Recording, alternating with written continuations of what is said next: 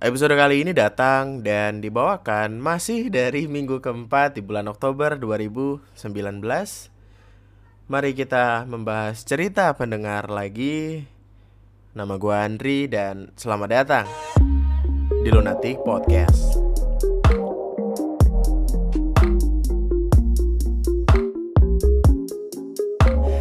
Hai, selamat datang kembali. Jadi ceritanya Podcast kali ini akan gue dedikasikan untuk membacakan beberapa email yang udah masuk ke email gue di newrhii@gmail.com. Eh, uh, gue nggak tahu kayaknya gue bakal bikin tidak terlalu panjang karena akan sangat amat membosankan kalau kepanjangan tapi nggak tahu sih. Ya udahlah bodo amat sih. Uh, eh men gue lagi kepikiran satu hal deh. Ini ini mungkin agak agak aneh sih untuk tiba-tiba ngebawa ke sini tapi Beberapa waktu lalu gue ngelihat sebuah tweet di Twitter. Oh iya dong.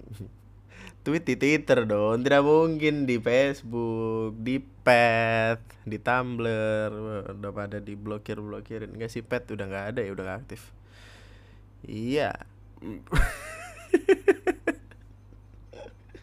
Susah banget orang kalau nggak bersemangat hidup gini nih anjing Uh, jadi tweet ini ngasih ngasih lihat sebuah cerita ini sebuah cerita yang didapat dari SpongeBob. Eh, uh, gua kan waktu bocah tuh nontonnya SpongeBob mulu ya. SpongeBob, anjir SpongeBob. Gua waktu bocah emang kayak nganggapnya eh, pagi-pagi sebelum berangkat sekolah nontonnya SpongeBob udah nggak ada lagi gitu. Tonton SpongeBob, SpongeBob abis berarti ya udah udah waktunya gua harus berangkat gitu. Kalau itu udah ganti acara TV lain berarti gua udah telat gitu aja gitu kan. uh, di SpongeBob kalau lu sering nonton mungkin lu pernah nonton yang uh, episode di mana si SpongeBobnya ini uh, salah naik salah naik bis terus turun di rock bottom. Keluar dari bikini bottom gitu lah ke rock bottom. Yang yang jadi dia na salah naik bis nih terus bisnya itu ternyata uh, lurus lurus lurus masuk ke jalanan yang yang lurus gitu ke bawah gitu. Aspalnya ngejelek gitu 90 90 derajat dari atas. Uh, gitu kan jatuh terus dia berhenti dan kesasar di situ sama Patrick tuh. Eh. Oh iya sama Patrick. Awalnya sama Patrick terus Patrick cabut duluan kan. Emang anjing tuh teman anjing. Patrick nemu nemu bis terus cabut duluan sih dan akhirnya si SpongeBob ini sempat terperangkap beberapa beberapa lama gitu. Uh, nyari tiket nyari ti bukan nyari tiket sih nyari nyari bis nggak dapet dapet uh, sekalinya ketemu bis makanannya udah dateng gitu gitulah pokoknya lu kalau disentin gitu ya. Uh, ternyata itu ngebawa sebuah uh, analogi filosofi analogi analogi lah yang lebih tepat ya. Sebuah analogi tentang kehidupan kita. Kadang dalam hidup kita pasti bakal uh, sekali dua kali yang namanya ngerasa lagi ada di di bagian terendah hidup gitulah ada di busuk-busuknya hidup pokoknya kita kayak kayak bener-bener down aja gitu. Kita muter-muter di sana sampai nggak kayak kayak nggak ketemu jalan keluar gitu. Kita pusing kita stres bener-bener depresi segala macam sampai akhirnya kita ketemu satu orang. Kita baru sadar kalau ada orang di luar sana yang bener-bener bener-bener ada buat kita gitu. Tiba-tiba ada atau emang udah lama ada cuma nggak kita lihat gitu. Di episode itu di menit-menit terakhir dari episode itu si SpongeBob ini kan akhirnya ketemu sama orang kan. Karena sama siapa gitu pokoknya yang punya antena di jidatnya itu yang nyala-nyala. Terus uh, dia cuma dia SpongeBob ini cuma punya balon gitu kan cuma punya balon terus ditiupin sama si si yang orang ini. Ternyata balonnya bisa terbang dan balon itu ngebawa dia balik ke rumahnya filosofinya dalam sih. Maksudnya dulu gue sebagai bocah cuma kayak mikir anjing ini apa nih? Goblok dah gitu-gitu. Tapi kayak sekarang ternyata itu tidak dibikin dengan dengan cuma begitu doang gitu. Ternyata ada ada hal lain di balik itu. Analogi yang keren sekali gitu. Kadang kita suka lupa kalau kita punya orang-orang hebat kadang kita suka lupa kalau kita punya orang-orang yang yang emang dari awal kita butuhin supaya kita bisa balik lagi kayak biasa gitu. Butuh kita kita nggak butuh banyak temen. Kita nggak butuh banyak orang buat ngebikin kita baik-baik aja. Kita cuma butuh satu seenggaknya satu buat selalu ada. Buat nenangin kita di kondisi apa pun. Buat niup balon itu dan ngebalikin kita ke tempat di mana kita berasal. Asik ya? Asik ya? Asik ya? Mantep ya? Cakep. Sih gila. Gue kayak waktu ngelihat anjir ternyata sedalam ini gitu. Episode satu episode satu biji yang dulu waktu bocah gue ketawa-tawa gitu-gitu tiba-tiba Patrick balik lagi si anjing ngapain? Nih temen lu udah berhasil nih lu berusaha balik buat nyelamatin temen lu. Ntar Patrick kagak balik kesian Eh, lalu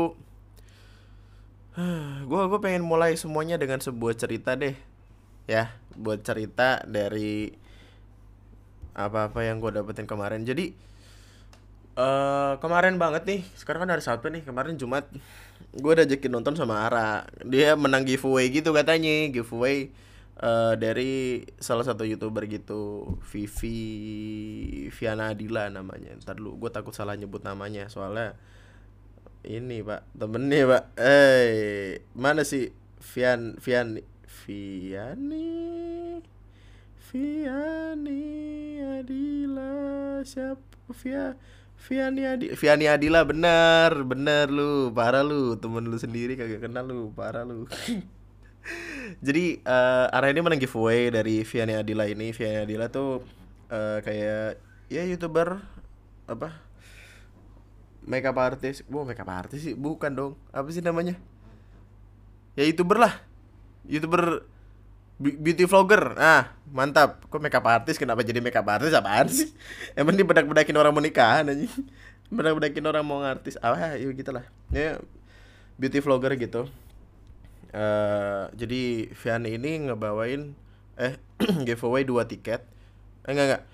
Empat tiket untuk dua orang.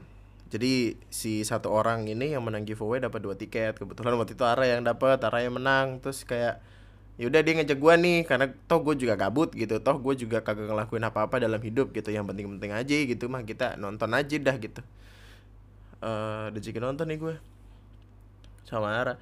Jadi Ara ini kan kerja di adalah gitu kantor gitu balik jam 4 kayak karena itu dia izin balik jam setengah empatan gitu terus gue samper. Yang hal-hal yang lucu itu datang dari dari apa ya kejadian-kejadian yang ada di jalan gitu. Gue tuh sepanjang jalan uh, mau jemput Ara tiga kali gue ketemu orang berantem di jalan. Kayak apa yang terjadi dengan Jakarta gitu? Kenapa orang-orang di Jakarta pada berantem mulu hidupnya gitu? Nggak bisa tenang aja apa? Kalem rile eh, rile hidup rile gitu. Kalem chill santuy gitu. Sapa senyum solidaritas sopan santuy apa sih? Solidaritas aja partai kali ya solidaritas lah yang pertama itu gue sampai inget nih yang pertama di uh, perapatan kelapa gading. Perapatan kelapa gading apa? ITS lupa gue pokoknya dia gara-gara mau salip salipan jadi dia pengen pengen dulu duluan di lampu merah yang bagian depan gitu terus kayak kesenggol gitu bagian spabor belakangnya. Lihat-lihatan langsung.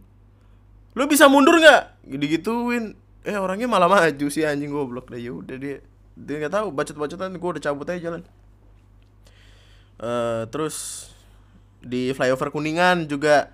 Nih uh, gimana ya? Buat lo yang orang Jakarta pasti tahu tapi buat yang lain gini deh. Uh, kota Casablanca itu kan ada flyover. Turun dari flyover itu ada dibagi dua jalur jalur kanan sama jalur kiri.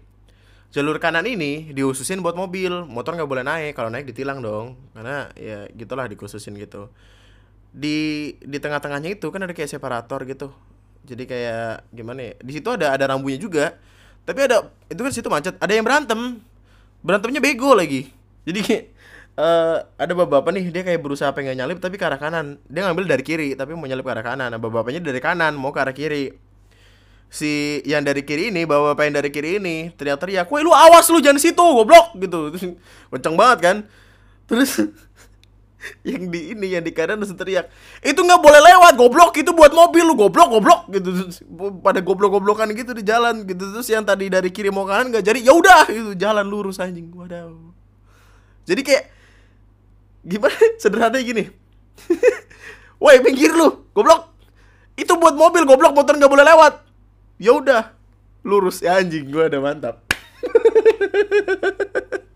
Dia nggak jadi ngambil gue gue yakin itu bapaknya pengen nguber tapi ketawa dulu gitu kayak anjing gue dikatain goblok gue goblokin balik. Dia ya udah terus kayak wah lucu banget si anjing nih. Emang anjing nih. Emang anjing lu anjing gitu kan kayak aduh ayo lu coba tuh uh, gue gue nggak tahu ya kita kayaknya kalau di jalan tuh ketemu orang bawaan emosi aja. Gue kan adalah tipikal orang yang apa ya yang nggak suka ngedengerin ini ngedengerin knalpot bobokan tuh yang berisik yang dodot gitu kayak motor-motor gede Kayaknya ada sih motor kecil yang kenal potnya juga digitu nih tukang sayur, tukang galon dapat dekat rumah gua itu dodot gitu motornya pada berisik-berisik banget gitu. Makanya setiap kali gua ngedenger ada orang yang kenal potnya berisik gua eh tukang galon lewat gitu eh tukang sayur lewat gitu. Waktu ini kita kita kita agak majuin dikit nih. Waktu gua balik kan gua balik nih sama Ara. Gua kesel, gua nggak gua nggak tahu gua tiba-tiba emosi ngedenger suara motor berisik gitu. Dan gua nggak tahu gua jadi flexing menyombongkan diri jadinya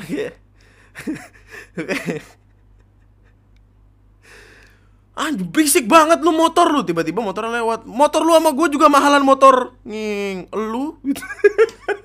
ternyata motornya bayar dua setengah anjing. Tahu gitu gak? Teriak teriak gue nggak jadi bang. Oke mantap. Mahalan motor lu bang. Mantap. Ya nggak apa-apa berisik berisik lu geber geber ke kuping gue nggak apa-apa mantap. Ke rumah gue ke rumah gue ganti tukang galon nggak apa-apa. Tukang galon saya BR dua setengah anjing. Gitu kayak udah mau marah-marah. Berisik lu anjir, motor lu sama gue juga mahalan motor. Ngeng, lu? anjing udah pede banget. Arah-arah ketawa keceng banget ya anjing. Iya lagian gimana ya? Gak tau udah, itu kayak gue main perbandingan. Soalnya gini pak, biasanya tuh orang-orang yang kayak gitu ya motornya tuh nggak kenceng gitu. Motornya tuh ya biasa aja dia pengen berisik berisikan aja di jalan gitu. Makanya gue kayak kata-katanya anjing motor lu sama gue juga mahalan. Motor gue pas motor itu lewat nyeng berisik. Motor lu sama gue mahalan motor. Uh rola. Ya motor rola anjing capek. Aduh ya Allah. Eh uh, intinya gue berangkat dari rumah gue jam setengah setengah tiga. Nyampe jemput Tara jam jam setengah empat.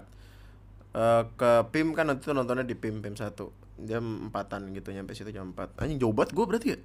Setengah tiga nyampe di Jakarta tuh jam empat. Eh jam setengah empat dari dari Jakarta itu ke PIM eh PIM juga Jakarta sih. Ya udahlah. Pokoknya itu perjalanan gue satu setengah jam dua setengah jam bodo amat. Ah satu setengah jam berarti. Di itu kan gue di PIM ya? PIM PIM gue eh tolong dong gue nggak tahu nih parkiran parkiran PIM di mana sih. Ini buat yang Jakarta nih orang-orang Jakarta. PIM masuknya Jaksel apa bukan ya itu kan PIM ada PIM satu PIM dua. Gue pengen tahu ada parkiran motornya di mana mohon maaf. Soalnya kemarin tuh gue parkir motor anjing jauh banget di di Bogor apa kalau nggak salah itu. Motor gue taruh di anjing jauh banget dah pokoknya dah. Bingung dah lu bagi anjing. Soalnya gimana ya? Kayak diskriminatif banget sama motor bisa dah. Di di seberang PIM satu. Soalnya gini ini kan nih bayangannya gini PIM satu PIM dua. Uh, PIM PIM satu di kiri PIM dua di kanan jadi PIM satu di barat PIM dua di timur. Terus gua lurus ke arah utara. Jadi kayak jauh banget baru akhirnya nemuin parkiran motor dan itu juga kayak extended exterior apalah itu namanya. Pokoknya di tempat parkirannya ada XXX gitu. XXX anjir. Dan jauh itu. Maksud gue kayak aduh diskriminatif banget sama motor nih mobil doang yang boleh ke mall emang. Ya nggak apa-apa sih. Ya udahlah. Miskin miskin aja kita mah. Uh, itu kan nyampe jam 4 nih. Nyampe situ gue mulas anjing. Kayak wah kesempatan bagus nih mau nyobain boker di mall gitu kan. Kapan lagi? gitu. Uh, langsung inilah langsung nyari nyari ini. Apa nyari toilet. Ya di toilet gue masih dari PIM satu kan. Kayak nggak kelihatan ada toilet ke mana nih? Ya udah gue ke PIM dua anjing. Mau mau bokernya nyebrang bang. Hey mau nyoba mau boker nyebrang. Terus gue nyobain boker di PIM dua tuh. Uh, kan kalau di mall-mall gitu pakai urinoir eh urinoir apa? Pakai klosetnya tuh kloset yang dia nyemprot dari bawah tau gak? Ya yang kayak kayak gue bingung gitu kayak maksudnya ada cetekannya gitu. Gue dulu di kantor di kantor gue dulu juga ada cetekannya gitu. Jadi ada air keluar dari bawah. Mantap tuh teknologi bagus anjing. Itu 10 tahun lagi tuh tahu-tahu ada tangan di bawah ya kan? Nggak cuma air nih ada tangan nih. 20 tahun ada orangnya di situ nungguin. Udah bang. Udah deh udah bang. Mari bang. Gitu, gitu kan kayak ini bang dua ribu. Anjing. Uh, jadi itu kan gua takutnya nih ya waktu waktu habis boker nih semprotannya kagak bisa kan. Jadi gue cobain dulu di awal. Gue nggak tahu kalau itu ternyata tegangannya kenceng banget gitu. Airnya keluarnya kenceng. Ini gue puter-puter anjing nyemprot kaki nyemprot celana. Celana gue basah langsung kuyup. Tai lah.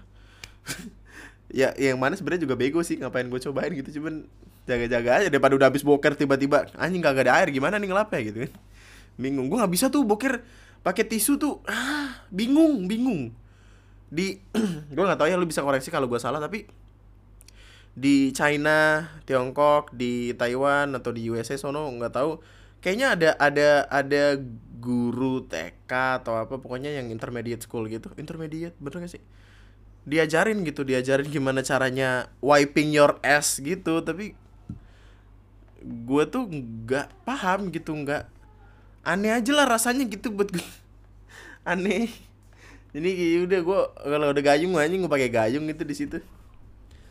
Uh, udah tuh langsung lagi menikmati boker gue dan ini ada saran nih ya buat bapak manajemen PIM PIM satu PIM dua lah. Eh PIM dua sih yang gue cobain PIM satu kagak tau dah. Bapak PIM dua nih kan itu kamar mandi lu tau kan kamar mandi mall biasanya di bawahnya tuh kayak ada celah gitu kan dari pintu nih jadi nggak full nutupin gitu di bawahnya kayak ada celah berapa senti gitu bolong gitu. Nah di bagian kiri juga bolong. Permasalahannya gini nih cuy. Kan biasanya mereka make marmer ya entah make marmer entah make batu kali atau apaan gitu dijadiin lantai gitu. Mereka nggak make ubin kayaknya sih kalau ubin kegedean soalnya. Itu tuh apa kayak kaca gitu pak. Jadi kelihatan. Lu paham gak sih? Jadi kan namanya orang boker ya orang boker kan duduk ya. Duduk mau nggak mau bisa kelihatan bawah dong ngeliatin bawah dong. Maksudnya ngeliatin lantai ngeliatin kaki gitu. Gua duduk nih. Di samping tuh kayak kelihatan gitu. Jadi bagian toilet samping kiri gua tuh kelihatan. Kebetulan waktu itu gua di paling pojok kanan kan. Jadi yang kiri kan masih ada celah kebuka tuh di bawah. Kelihatan. Jadi kalau gua paksain buat ngeliat gua bisa tahu nih di sebelah gua ngapain aja nih. Ya maksud gua gua jadi grogi mau boker tuh. Kayak bisa dilihat dari samping gitu gua kayak anjing kayak gimana sih rasanya kayak ada pistol di jidat lu gitu ditodongin gitu lu boker susah pak. Buset mana berisik banget. Dia Allah. Ada bawa bapak dia lagi di urinoir kiri kanan ngobrol anjing. Kayak kagak ada tempat lain buat ngobrol lucu banget dah. Mana lihat-lihatan kayak apa sih? Mungkin dia ngobrol sambil oh ya gini gini eh tadi gimana bisa bisa bisa. Kelar kelar kelar hari wah itu punya lu gede juga. Iya gede. Mengkilap lu. Uh, uh itu apaan sih anjing? Tolonglah bapak manajemen mall tolonglah. Jangan gunakan uh, marmer-marmer yang seperti kaca di bawah di bawah toilet. Jangan. Kelihatan kan awkward gitu pak. Canggung. Bingung aja gitu ngeliatin itu. Kayak gimana sih? Ini sih orang kencing samping kita kelihatan. Orang boker masa kita dada dada sampai orang boker kagak dong. Grogi gue takutnya ada tangan dari dari bawah ngambil kaki gue diseret. Gue gimana ya? Ya tolong aja nih kita mah kita saran aja baik-baik nih. Gue nggak tahu lah apa emang orang kaya yang suka ke mall tuh dia nggak ngeliatin lantai apa gimana tapi jadi grogi aja pak. Boker jadi nggak fokus. Gue boker yang harusnya cuma lima menit tuh jadi lima hari apa gue di situ lima hari anjing lah. Mau boker ya kayak mau ngambil rapot deg-degan. Uh, terus saya kira waktu itu nonton lah gitu. Uh, ketemu sama Vivi si Vivinya ini. Eh kok Vivi gue manggil? Viana Viana Viana Dila ini. Uh, ketemu terus ada orang lain juga. Pokoknya total beberapa orang gitu di situ. Nontonlah kita perempuan tanah sengketa ya kan? Jadi perempuan tanah sengketa anjing jadi kayak ceritanya nih ada orang nih. Berebut tanah nih. Terus nyewa nyewa setan buat apa lu di tanah gua lu? Dihantuin kan sampai meninggal. Meninggalnya ketiban traktor aja apa ah, capek. Uh, by far itu adalah film horor paling bagus yang pernah gue tonton di bioskop karena gue biasanya bete sama film-film di bioskop. Apalagi yang horor-hororan yang apa ngandelinnya dada paha dada paha mulu. Waktu itu pocong tiga tuh gitu-gitu. Pocong uh, kalau pocong perawan atau kalau enggak ini apa sih namanya pocong mandi goyang pinggul. Anjing ada dua season dong itu di berak lah. Mau nonton Makanya ketika gue nonton Perempuan Tanah Jahanam yang bikinan Joko Anwar itu gila, bagus. Kita jadi paham kalau itu emang sebuah secara unsur storytelling tuh itu bener-bener strukturalnya bagus banget pak. Salah satu salah satu cita-cita gua ya mungkin buat pengen bikin sebuah karya kayak gitu karena storytellingnya bagus banget. Maju mundur maju mundur. Terus uh, waktu nyampe klimaks semuanya bener-bener mantep endingnya nggak bukan bukan nggak terkira sih udah terkira kan. Cuman perlakuan orang-orang yang ada di dalam ending itu yang gue gak kira-kira sama sekali. Lu nonton dah. Mantap asli. Wah paten gila. Uh, Tara Basro aktingnya boh GG terus ada orang-orang di luar sana. Maksudnya orang-orang uh, apa sih ekstrasnya gitu ekstrasnya bukanlah artis gitu. Dalam artian mereka cuman ya ekstras aja gitu. Tapi akting mereka meyakinkan sekali. Yang jadi concern gue itu Joko Anwar memang mainnya horor-horor thriller semacam itu yang gimana ya? Waktu gue nonton tuh kayak gue punya pikiran dok dok dok wah ini setannya nih. Wah ini eh bukan kan? Dok dok dok wah ini nih ini adegan setan. Eh bukan gitu. Tiba-tiba waktu kita lagi nggak mikirin apa apa cek anjing ngapi Joko Anwar anjing emang gitu. Di sepanjang nonton bioskop gue kayak ngata-ngatain Joko Anwar maaf maaf Om Om Joko. Om Joko anjing enak banget ya. Maaf Om Joko Anwar gitu. Kayak anjing Joko Anwar nih wow parah nih Joko Anwar gitu. Kayak ada satu bagian nih ada satu bagian. Aduh gue nggak boleh spoiler lagi tapi intinya bagian ini tuh tidak seharusnya gue kaget karena gue gue udah tahu itu patternnya itu hampir sama seperti horor-horor lain gitu. Udah bener-bener kayak gue bakal tahu nih apa yang terjadi gitu. Tapi waktu waktu kejadiannya muncul horornya keluar gue kaget-kaget juga emang soundnya soundnya jeger-jeger mantep nih si Ara aja nonton sampai gue apa deg-degan segala macam gitu ternyata HP-nya hilang oh tidak dong deg-degan gara-gara HP-nya hilang aja Weh, filmnya bagus deh, rate-nya bagus deh. Gue mungkin setuju sama Ara, rate-nya 8,5. Oh, siapalah kita bisa menaruh-naruh rate, tapi bagus sih. Uh, unsurnya unsur apa ya? Gore ya mungkin bisa dibilang gore, horor, klinik gitu. Soalnya ngambil sesetanan sesetanan Jawa gitu. Ya biasalah ada hubungan sama iblis-iblisan gitu. Itu apakah spoiler ya? Enggak tahu deh. Gue nonton aja deh, asik.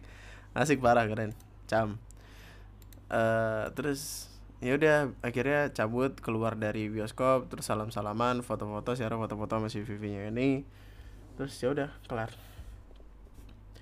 uh, abis itu mau main ke rumahnya. Ya gitulah pokoknya. Nggak tahu gue sedang aja ceritain yang kemarin aja lucu banget dah.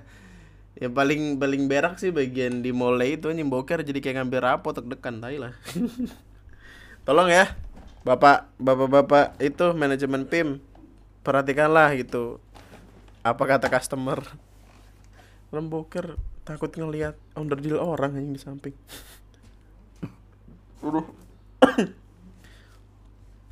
eh kalau suara gue bindeng mohon maaf ya. Gue nggak tahu kenapa anjir. Kayak setiap kali gue mau record emang keadaannya lagi begini aja gitu. Padahal yang kemarin kagak. Gak tau deh. Mari kita membaca bacakan email. Uh, jadi udah banyak banget email yang masuk. Ini bisa lihat ada 200 lebih. 272 nih dari apa pokoknya yang udah udah gue bacain udah gue lewatin ya. Pokoknya 272 nih email yang belum gue baca. Ini banyak juga. Uh, kita mulai dari sebuah email dengan subjek di PHP in apa terlalu banyak berharap eh dari dari subjek kayaknya kayak udah bagus gitu sebelumnya nama sama email aku nggak perlu disebut ya kak sebut kota aku aja aku tinggal di Jakarta hehe waduh hehe Hai Kak Andri, sebelumnya aku mau bilang makasih nih buat podcastnya yang asik buat aku dengerin sambil kerja. Thank you banget karena udah bikin podcast Kak. Thank you kembali, terima kasih kembali. Di sini aku mau cerita. Mungkin agak panjang, tapi sebisa mungkin aku buat poinnya aja. Jadi ada teman cowok sekelas aku di kampus. Aku kuliah sambil kerja, oke. Okay? dia itu awalnya nggak terlihat gitu. Wih ninja kali aneh nggak terlihat. Wih lah. Karena dia anaknya pendiam dan karena kuliahnya sambil kerja dan jam malam. Jadi dia kalau masuk kelas itu telat terus. Awalnya aku bahkan nggak tahu namanya dia siapa tapi aku tahu dia satu kelas sama aku. Tapi aku sama sekali nggak kepikiran buat nyapa dia. Dan ada satu kejadian yang bikin dia salah paham uh, dia pikir aku deketin dia karena kejadian itu. Padahal aku sama sekali nggak ada niatan begitu. Singkat cerita akhirnya aku jadi deket sama dia. Bahkan belajar bareng ke rumahnya. Ya belajar bareng ke rumahnya ya bagus bagus. Setelah deket dia mulai curhat soal mantannya. Ternyata dia baru putus saat aku sama dia ada di kejadian yang bikin dia salah paham itu. Dia cerita mantannya nyakitin dia. Dia mau move on dan lain-lain Awalnya aku tanggepin dengan biasa, sekedar teman yang lagi butuh curhat. Tapi lama kelamaan dia mulai ngajak aku makan setelah pulang kuliah, ngantar aku pulang. Bahkan kita jalan-jalan ke Bogor satu bulan sekali, berkali-kali. Apaan sih? Kenapa jalan-jalan ke Bogor ini? Mau apa lu studi ter? Di awal aku berusaha untuk menekankan perasaan yang makin lama makin jelas aku rasain. Tapi masih aku tahan. Tapi ada satu hari saat aku lagi belajar bareng sama dia, awalnya nggak ada obrolan sama sekali dan suasana lagi hening. Tahu-tahu dia nyeletuk, gue suka sama lu, tapi gue nggak mau pacaran.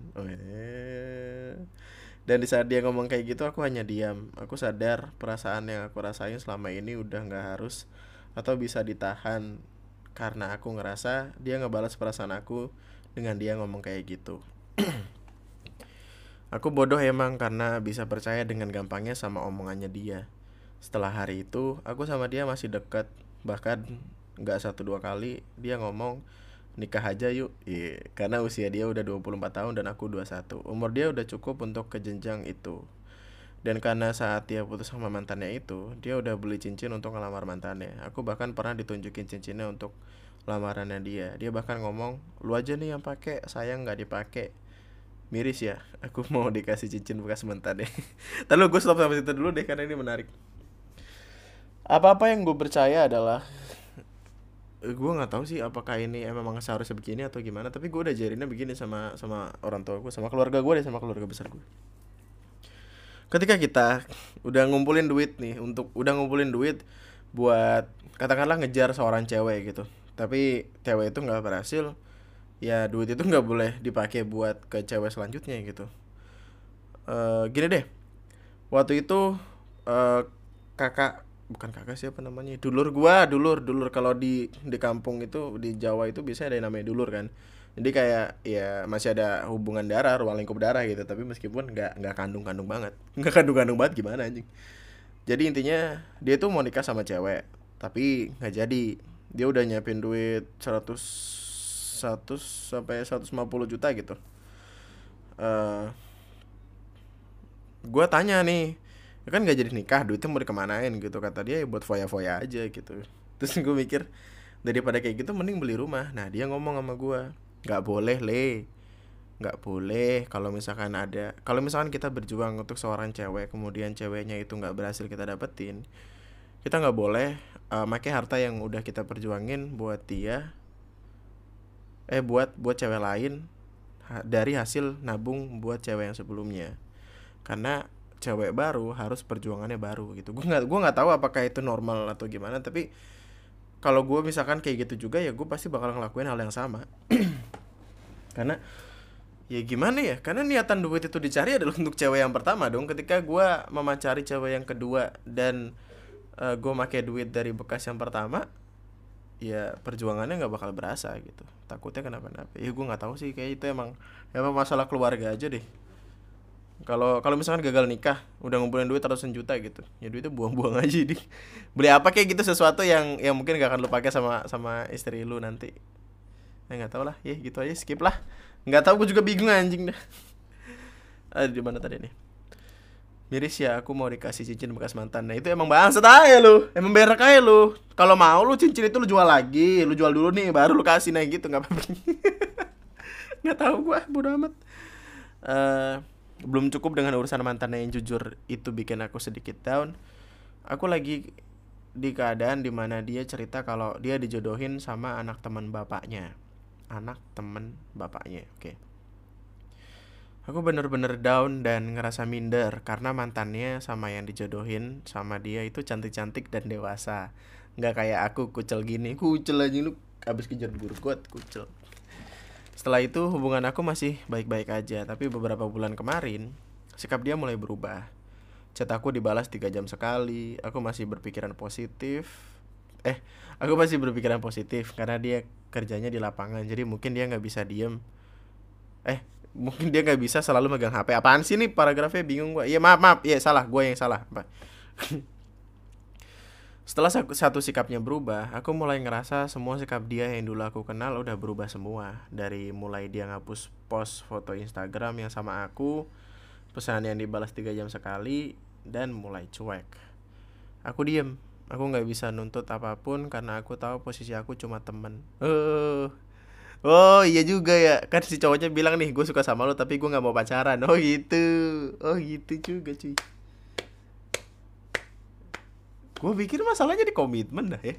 Maksudnya gue marah juga nggak nggak jadian gitu. Jadi kita udah jalanin aja dulu. Tapi komitmen yang menjaga kami buat ya kayak kalau gue salah kasih tahu gue kalau lu salah gue kasih tahu gitu.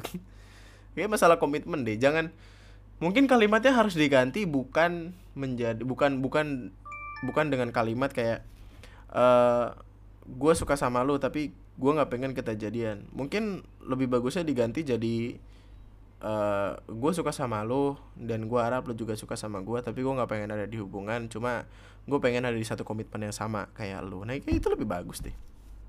Jadi kayak lebih bagus sih. Uh, dia mulai ngapus foto Instagram yang sama aku. Ini lucu dah sumpah. Hey para orang-orang makhluk hidup manusia. Mungkin itu adalah salah satu hal yang yang harus lu jaga banget. Maksud gue adalah kalau lu nggak yakin sama dia kalau lu nggak tahu apa kalau akan bisa bertahan lama sama dia jangan post foto di Instagram karena malu. Oke akhirnya kalau lu jauh lu hapus hapusin foto. Ribet pak.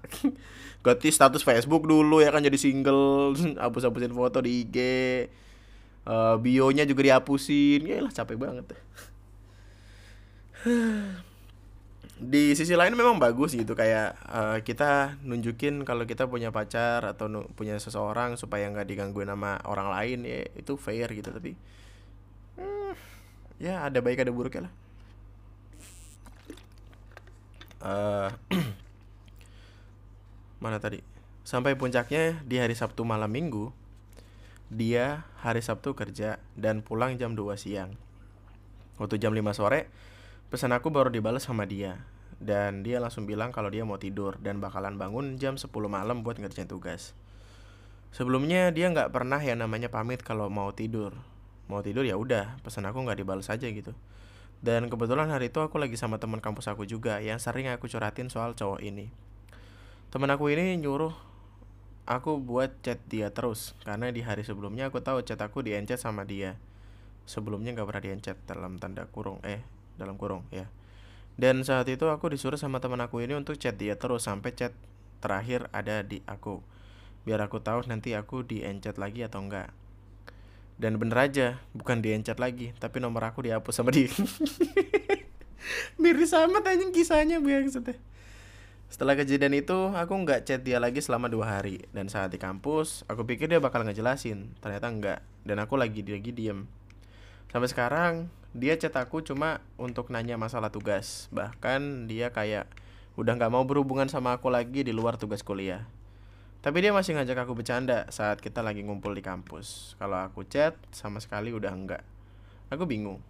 Aku kecewa. Aku marah. Tapi lagi-lagi aku diem karena aku sadar aku siapa. Wih. Dan aku ingat ucapan Kak Andri di salah satu podcast kakak, yaitu status menurut kakak nggak penting, karena kakak sama pacar kakak sekarang juga nggak ada kata balikan kan, nggak tahu kalau sekarang ya. Ah, itulah. Dan aku sadar mungkin dia balik dekat sama mantannya meskipun oh ya meskipun dia nggak naruh status sam, dia sama mantannya di bio Instagram dalam kurung karena dia pernah naruh nama mantannya di bio Instagramnya Aku juga sadar kalau dia cuma butuh aku temani di saat dia jatuh dan sakit hati. Dia udah sembuh sekarang, udah bisa memaafkan, udah bisa memaafkan mantannya. Dalam kurung dia sempat kekeh nggak bisa ngelupain perbuatan buruk mantannya meskipun aku udah bujuk buat lupain perbuatan buruk mantannya itu. Aku seneng dia udah nemu kebahagiaan dia lagi sama mantannya, tapi aku nggak bisa bohong, aku juga sedih sama sikap dia ke aku sekarang. Sekarang aku cuma pengen bisa lupain kenangan yang selama ini udah dia buat ke aku. Aku pengen lupa semuanya. Doain aku kak supaya aku bisa cepat move on. Karena jujur ini pengalaman pertama aku dideketin sama cowok sampai sebegininya. Aku nggak pernah pacaran sebelum deket sama cowok seintens ini pun enggak jadi rasanya terlalu membekas dan susah buat lupa. Hehe. Dan makasih udah mau baca sepanjang ini. Eh mau baca sepanjang dan semua membosankan ini. Sukses terus podcast dan relive-nya kalau bisa podcastnya mulai seminggu dua kali. Oke mantap. Siap. Terima kasih banyak. Terima kasih atas doanya. Mantap. Anjing dihapus nomornya. Sedih banget. Gua ada ada beberapa kalimat. Nomor satu uh, kadang ada beberapa cowok yang cuma butuh pelarian gitu.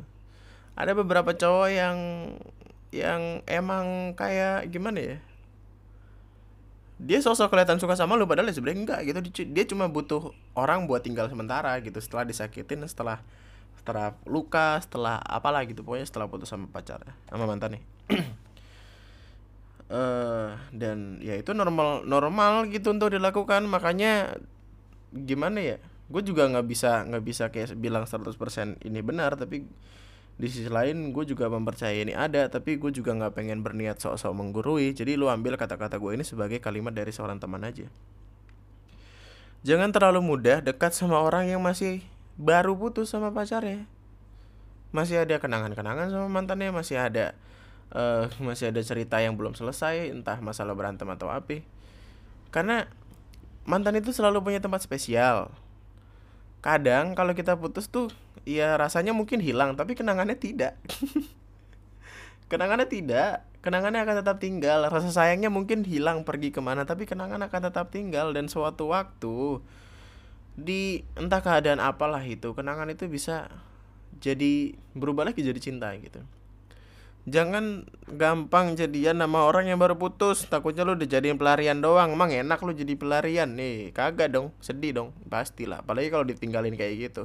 Tapi kalimat kedua juga berkata tidak semua cerita berakhir bahagia. Tidak semua cerita akan berakhir menjadi seperti apa-apa yang kita inginkan.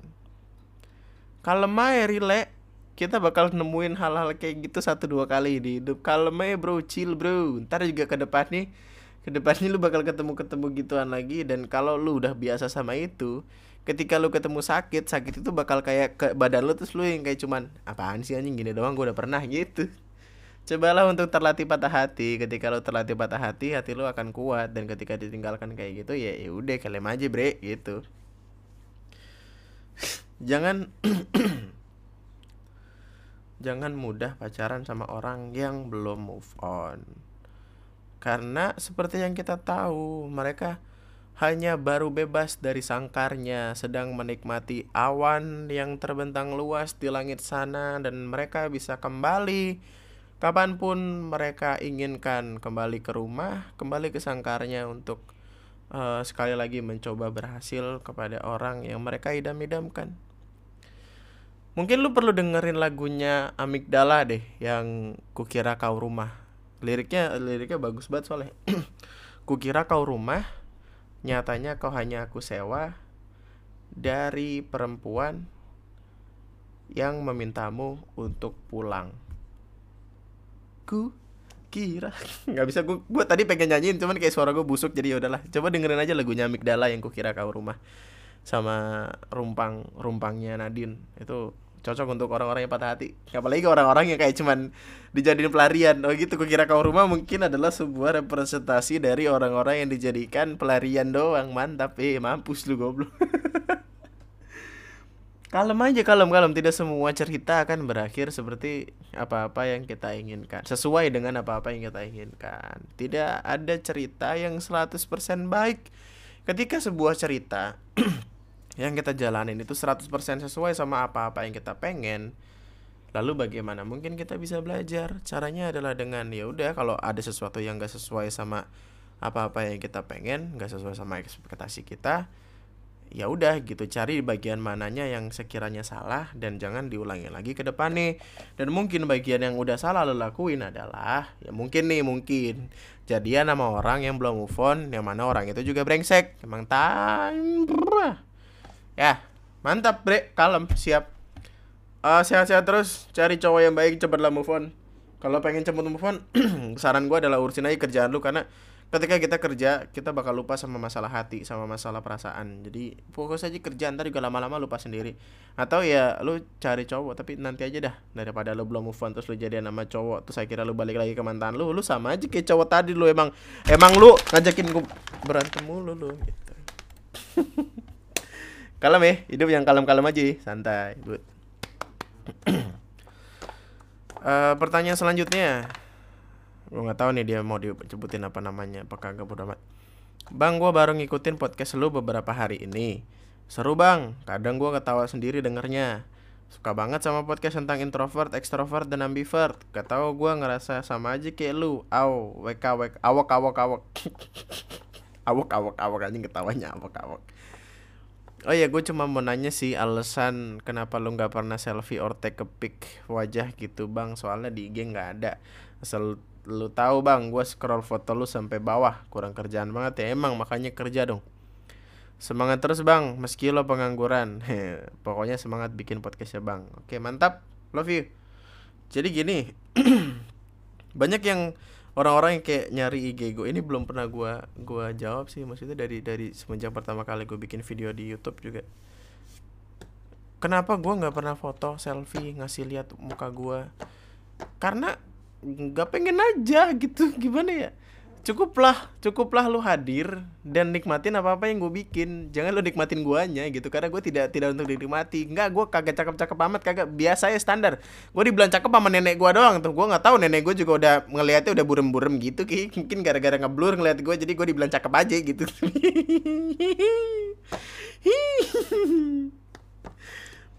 Enggak karena gue bukanlah tipikal orang yang suka ada di dalam di dalam monitor di dalam layar HP orang lain. Gue sebelum sebelum bikin YouTube channel TNM itu gue sempat bikin YouTube channel lagi namanya yang ada guanya di situ. Tapi gue pikir-pikir lagi kayak anjing ngapain? Gue ngedit gue ngedit nih video durasi 10 menitan gitu lah. Terus gue ngeliat muka gue sendiri anjing empet pak. Bete banget kayak muka gue kagak kagak kagak cakep banget di layar. Iya. Nggak tahu sih orang gimana ngeliatnya tapi gue nggak nggak bu, gue bukanlah orang sepede itu yang bisa kayak nongol terus bilang eh ini gue loh gitu. Tapi di sisi lain bahasanya bahasanya Reja bahasanya Dirham juga bilang yaudah nggak apa-apa ntar tongolin aja muka lu gitu. Kenapa sih emang gini doang? gitu. Ideologi gua adalah ya tidak menunjukkan siapa gua untuk sekarang. Karena ya buat apa gitu. Tuh gua nggak pengen menghancurkan ekspektasi orang lain gitu yang mana ya sebenarnya gue juga harus sadar kalau ya emang gue begini gitu lu terima gue atau enggak ya terserah lu. Cuma gue belum siap aja belum siap aja bahasanya. Arif Muhammad juga dulu yang zamannya dia uh, make apa akun Twitter pocong juga belum belum pengen buat nongolin dirinya kan sampai akhirnya dari sebuah titik tertentu. Ya udahlah. Ya, gue juga begitu mungkin akan tapi tidak sekarang. Gue pengen ngurusin badan gue dulu nih anjing lah. Ah. Itulah gitulah gue nanti nanti. Gue nggak suka soalnya selfie selfie selfie gue nggak gue selfie kalau dimintain foto sama cewek gue doang. Selain itu kagak. Bodo amat ya. Uh, email selanjutnya dari uh, Norma Yunita ini ada tiga email nih. Gimana nih? Jadi email kedua dia Assalamualaikum Bang lu risa lu kan resign? Iya biar keluar dari zona nyaman kan? Eh bukan tapi keluar untuk masuk dalam zona di mana kita bisa mengeluarkan apa-apa yang menjadi Menjadi Kita yang kita kata ingin tanpa kakang Ya Ya terus? Lalu tanggapan ibu gimana bang? Iya pasti ada sebuah jawaban yang udah siapin. berarti sosok ibu yang mendukung anaknya di mana pun keputusannya kan beda kayaknya sama aku. Aku adalah seseorang yang punya kata ingin tapi nggak berani untuk mundur dan melangkah. Hu. Ini literally ada hunya gitu. Jadi kayak mungkin sih oh hu, hu, hu sedih gitu maksudnya. Bingung aku tuh bang. Sudah dimulai he berhenti di situ aja. Ya udah ya waalaikumsalam. Eh Ntar Eh, kalau mau ngakhirin kata tuh wassalamualaikum. Waalaikumsalam gua yang jawab dong. Kenapa lu yang waalaikumsalam? Hey. Eh, ngaji makanya sampai suro, sampai tempat pengajian lu. Jangan Aduh ya Allah. email ketiga nih. Hey, aku kembali. Ini entah sebuah pertanyaan atau bukan. Lu bang kenal Gary Ardian? Dia dari Lampung juga. Apa kalian satu orang? Siapa? Lu pikir Lampung kayak cuman dari dari A ke B? Kagak. Lampung itu gede. Ya. Ya. Lampung itu nih ada Lampung Timur, Lampung Tengah, Lampung Utara, Selatan, Barat, Tenggara, Timur Laut, ye. Gary Ardian siapa sih coba gue search lah Gary Ardian uh, oh ada IG-nya Gary Ardian uh, followersnya banyak 41k oh artis deh ya tapi gue bukan dia bukan kagak kenal kagak tahu Gary Ardian dia bikin podcast. Ntar gue ajakin collab lah. Ayo Bang Gary kalau dengar podcast ini Bang kita sama-sama dari Lampung Bang. Mantap. Tapi gue orang Jawa sih cuman ya udahlah. Mungkin suatu waktu bisa itu nge-podcast bareng. Tiba-tiba bang lu kenal ini kayak kayak ibu-ibu tau gak? Yang biasanya diangkot tuh. Sering tuh SD tuh gue naik angkot tuh. Kadang-kadang ya kadang-kadang gak sering sih kadang-kadang lah. Anjing apaan sih? Naik angkot nih ada ibu-ibu biasanya. Uh, ditepok gitu kan. Uh, dek sekolah di mana ini bu di SMP ini. Oh itu tetangga ibu juga sekolah di situ tuh. Oh iya bu. Kenal ini Nandar. Bu di sekolah tuh banyak ya bocah tuh banyak kagak satu dua biji doang. Kelasnya juga banyak nih. Mohon maaf nih kita mohon maaf baik-baik nih. Kelas ada pagi ada siang nih ya. Ya ya tidak mungkin dong. Tahu ruang lingkup saya bukan bukan densus publik. Eh densus penduduk publik aja ya tapi kan dia sekolah di iya iya dia sekolah di situ. Saya juga sekolah di situ tapi tidak dong. Jauh dong. Ada tahu SBY iya itu pernah jadi presiden kita bu masa ibu tidak tahu dong.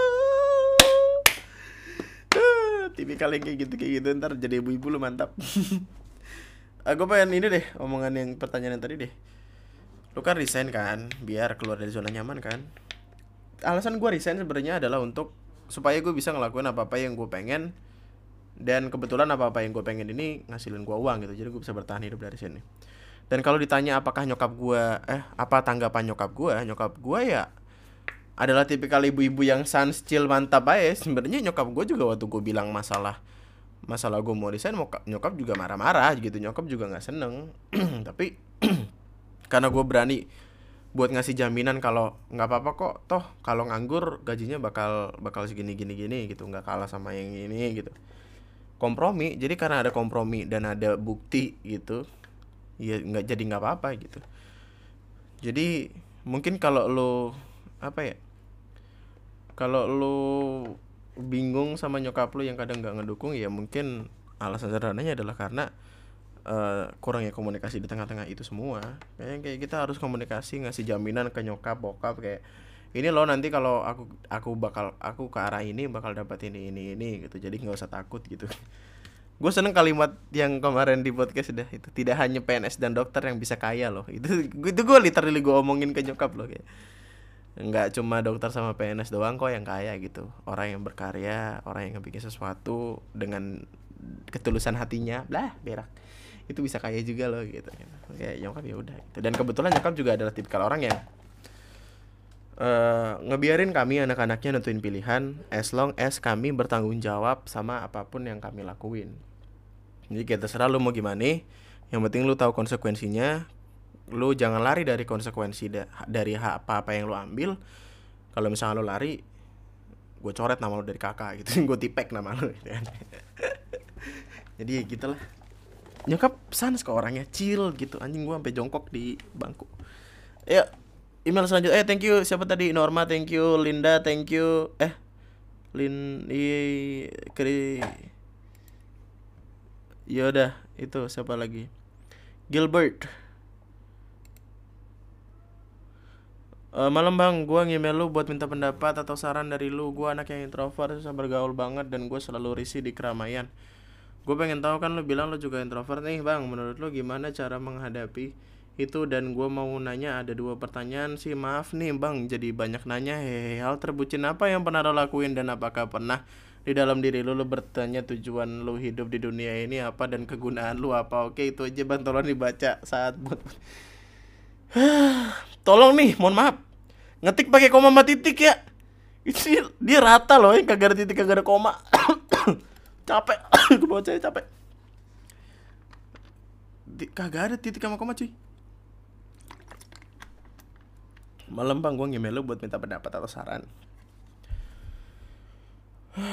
Gimana cara menghadapi diri yang introvert?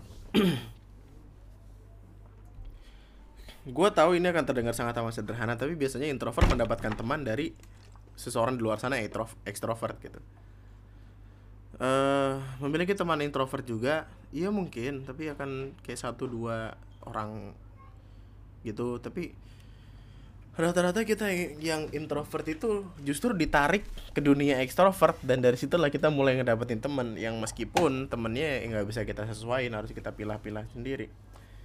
Tapi gimana cara menghadapi keintrovertan? Ya just be you gitu just be your fucking self in this life in this whole world. You own your body you own your mind you own your life. Just do it man. Wih anjing mantap ya. Bahasa Inggris gue itu kampung remet. Menjadi seorang yang introvert itu jangan terlalu dipikirin ketika kita memikirkan sesuatu yang sebegitunya. Kita nggak ngelakuin apa-apa dan ketika kita nggak ngelakuin apa-apa kita bakal stuck di tempat itu dan nggak ada hasilnya jadi udah jalanin aja gitu relay hidup gitu. Gue juga seintrovert introvertnya gue juga gue juga punya temen gitu. Meskipun temen gue rata-rata pada berak semua gitu pada kelakuannya barbar segala macam tapi ya nggak apa-apa gitu gue nggak ada masalah sama itu. Caranya adalah dengan dengan mengamini kita adalah introvert dan itu tidak apa-apa. Ya udah ngobrol aja ajak ngobrol temen orang. Saran gue mungkin yang paling sederhana adalah dengan membuka diri. Kadang banyak dari kita yang kayak pengen punya teman tapi malas buat ngebuka diri ke depan orang lain gitu. Justru ketika kita udah berani ngebuka diri terus ngajak orang ngobrol ngajak orang senang-senang ngajak orang bahagia ya kita bakal punya teman. Kalem aja. Jalanin hidup seperti orang normal pada umum ya jangan jujur gue benci tipikal orang yang yang menyalahkan dirinya sendiri atas sesuatu yang sebenarnya bisa diubah. Kayak gini deh gue pernah punya mantan nih mantan gue selalu ngomong kayak ya aku kan gini aku dari lahir gini. Ya kamu bisa terima atau enggak ya itu terserah kamu tapi aku ya kayak gini. Padahal sesuatu itu bisa dirubah maksudnya bisa dibikin jadi lebih baik lagi enggak kayak gitu. Ketika lo nyalahin sesuatu yang sebenarnya bisa diubah lo tuh kayak apa ya lo mau nyampe kapan kayak gitu? Lo mau lo mau jadi kayak apa sih? Mau ngapain lagi lo ya aku kan orangnya kayak gini ya. Cobalah untuk beradaptasi dengan apa pun. Karena kita, ketika kita berhenti beradaptasi kita akan mati. Coba beradaptasi sama apa pun yang lo lakuin karena kalau lo nggak kayak gitu lo nggak bakal ke mana-mana nih. Ih, lo tau gak sih kenapa akhirnya ada manusia? Karena ada satu makhluk yang dari air. Dia pergi ke ke apa ke daratan buat beradaptasi. Wih anjing nggak tahu gue itu nggak tahu gue dapat dari mana anjing. Soalnya gue nonton itu apa yang video pembentukan bumi gitu. Jadi kayak dia sebelum ada manusia, sebelum ada pohon. Ya gitulah pak. Coba tonton deh. Terus masalah pertanyaan ini kan ada dua pertanyaan. Hal terbucin apa yang pernah lo lakuin? Dan apakah pernah di dalam diri lo bertanya tujuan hidup lo di dunia ini apa? Dan kegunaan lo apa? Hal terbucin yang pernah gue lakuin, gue pergi ke Jogja buat berusaha ketemu orang. Habis duit banyak. Tidak ketemu. Dan berak itu salah satunya sih. Tapi kayak ya itu salah satu yang terbucin. Tapi dalam konteks kehidupan biasa mungkin bucinnya gue adalah sampai ada di titik di mana gue bahkan ngindarin teman-teman gue demi si cewek ini. Dan gue baru sadar kalau itu ternyata nggak boleh gitu. Dan emang emang nggak boleh sih. Bukan ternyata emang nggak boleh sih.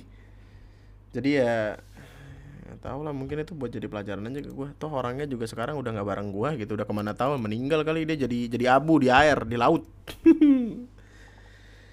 Hah, terus apakah pernah pernah di dalam diri lu bertanya tujuan hidup lu di dunia kegunaan lu? Kegunaan tujuan. Tujuan gue hidup di dunia adalah untuk membahagiakan orang-orang yang gue sayang. Gue nggak gue nggak bertanya karena emang itu aja gitu semenjak kepergian bokap itu yang selalu ada di pikiran gue gue ada di dunia buat ngebikin orang-orang yang gue sayang bahagia dalam konteks apa pun dalam hal apa pun. Adik gue nyokap gue istri gue mungkin nantinya anak-anak gue nantinya kakek nenek dia kakek nenek dia kan anaknya gue eh, apa emaknya gue gimana ya apa sih?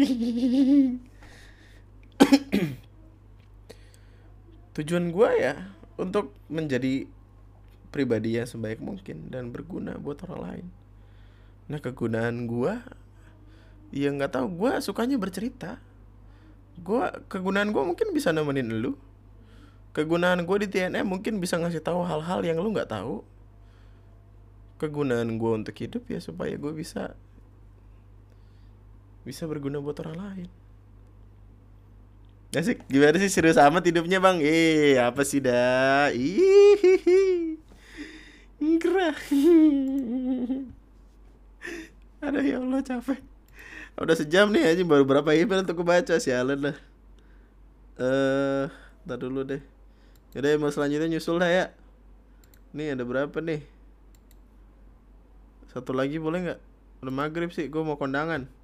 Yaudah besok aja deh Eh Ini baru 4 email kebaca berarti Mantap. Oke. Okay.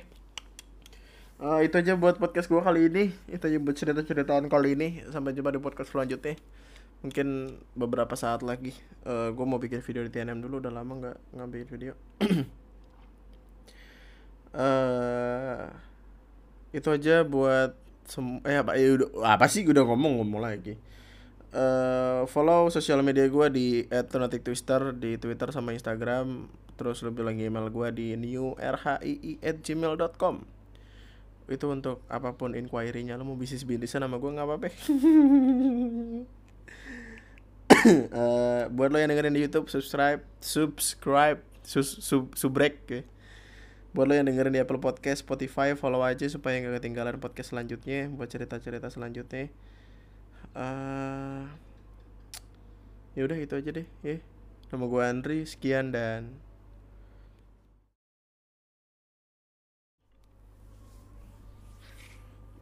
biar nggak kena maghrib biar nggak ngantuk aja bangun tidur jam 11 coba gimana itu bangun tidur jam 11 gila kan tapi mungkin karena kebiasa ya. Eh lu kasih tau gue dong man. Gimana caranya buat bangun, bangun pagi? Anjing. Gue denger kata-katanya si Om Deddy tuh yang bilang kayak kalau lo mau ngubah seseorang lu harus ngubah diri lu sendiri. Gimana yang bangun tidur jam 11 berak uh, ya deh. Bye